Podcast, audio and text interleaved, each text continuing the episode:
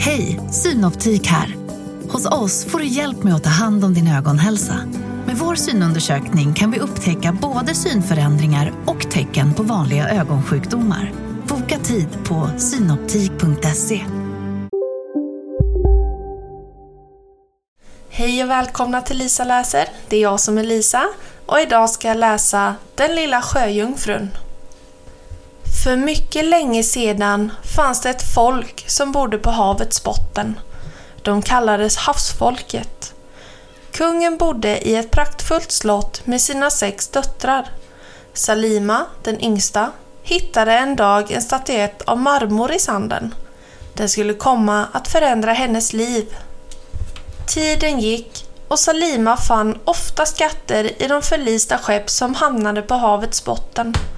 Hon hade fått ihop en mycket vacker samling vaser, svärd, guldmynt och smycken.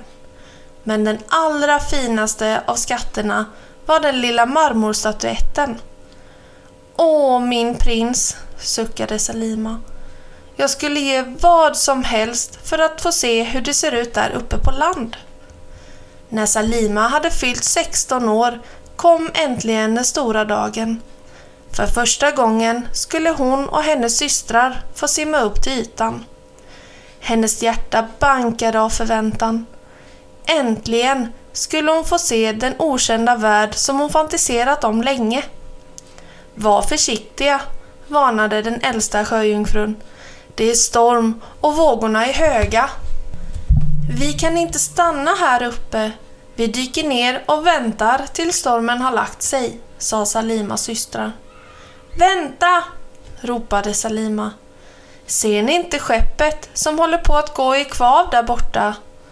Men hennes systrar var så vettskrämda av de ljungande blixtrarna och den mullrande åskan att de genast dök ner till den lugna, trygga havsbotten.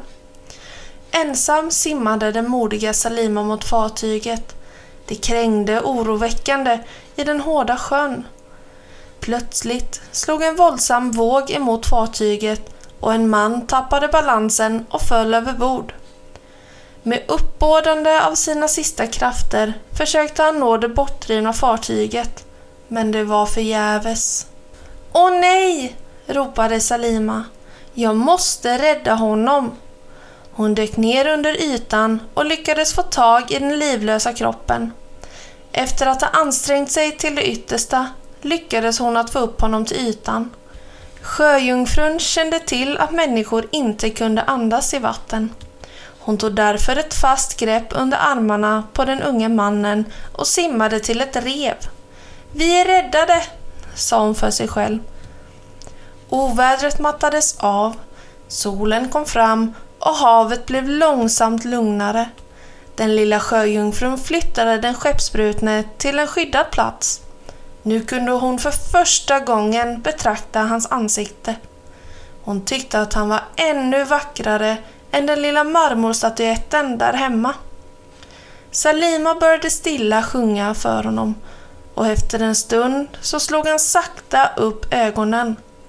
Hans blick mötte för ett ögonblick den vackra flickans men sedan föll han åter i en djup sömn. Plötsligt ryckte Salima till. Det hördes ljud av människor som närmade sig.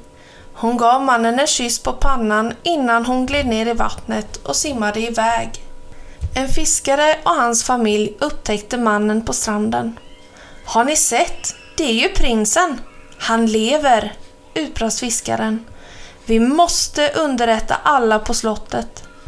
Salima hade gömt sig bakom ett par klippor i närheten. Hon såg och hörde allt som utspelade sig på stranden. En prins, sa hon lågt för sig själv. Tänk, en riktig prins.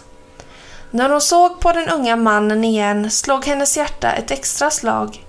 Den lilla sjöjungfrun blev mer ens förälskad. Jag måste träffa honom igen, mumlade hon. Salima berättade allt för sina systrar. Hon bad dem förklara var slottet låg. Varje kväll sedan skeppsbrottet kom den lilla sjöjungfrun upp till ytan för att betrakta prinsen där han promenerade på klipporna. Hennes kärlek till honom växte för var dag som gick. ”Åh, Om jag ändå kunde gå som han, tänkte hon. Att bli en människa, precis som han. Fastän Salima var rädd för den vilde trollkaren som höll till i havets djupaste del beslöt hon sig för att be honom om hjälp. Hon ville bli människa. Någon annan lösning på sin olyckliga kärlek såg hon inte. Så du vill bli människa? hånlog trollkaren. Då ska du tömma denna flaska i natt och som betalning vill jag ha din vackra röst. Om din prins inte friar till dig inom sju dagar blir du min för evigt. Hur ska jag vinna prinsens hjärta om jag inte kan tala? sa den lilla sjöjungfrun. Du är ju vacker, du får väl hitta på ett sätt, sa trollkaren. Det blev natt och fullmåne. Nu var tiden inne. Sittande på den stora slottstrappan vid havet tömde Salima flaskan till sista droppen. Hon kände genast att rösten försvann och hon kunde inte längre tala. Allt blev med en suddigt och hon föll ihop avsvimmad. Från havets botten kunde man höra trollkarlens hotfulla röst. Snart är hon min. Bara min. När Salima slog upp ögonen var hon vid slottet. Prinsen satt bredvid henne. Det spelade ingen roll att hon var stum. Prinsen blev betagen i henne och fick aldrig ifrån hennes sida. Tänk om jag kunde finna flickan som räddade mitt liv. Du liknar henne, men hon hade en underbar röst, anförtrodde han henne en dag. Orden krossade sjöjungfruns hjärta. Hur skulle hon förklara sin hemlighet för honom?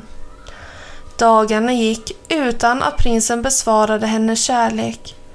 På kvällen, den sjunde dagen, gick Salima ensam till stranden. Förkrossad brast hon i gråt. Jag förlorar honom, tänkte hon. Trollkaren kommer snart att hämta mig. Men prinsen, som hade letat överallt, hittade henne till slut.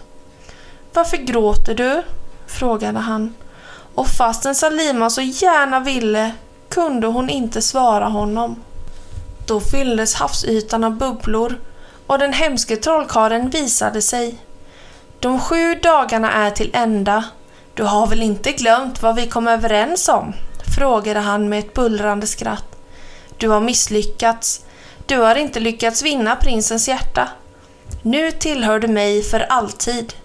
Och du, prins, fortsatte trollkaren hånfullt.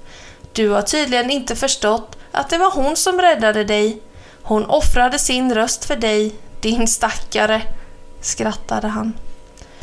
Då insåg prinsen att det var Salima han älskade. Han tog en båthake och rusade mot trollkaren. Med ett hugg genomborrade han trollkarens hjärta. Det hördes ett fruktansvärt vrål och sedan drogs trollkaren ut av vågorna och sjönk för evigt ner mot havets botten. Salima kastade sig i prinsens famn och samtidigt upptäckte hon att hon hade fått sin röst tillbaka. Några dagar senare var det fest på slottet. Prinsen och Salima gifte sig och det blev det vackraste bröllopet i hela kungariket. Varje gång det blev fullmåne gick de ner till stranden och hälsade på sjöjungfrurna. De kom upp till ytan och sjöng och simmade i det milda månljuset. Titta, sa Salima. Där är mina systrar och med sin vackra röst sjöng hon med i den sång som göd över vattnet. Och snipp, snapp, snut så var denna saga slut.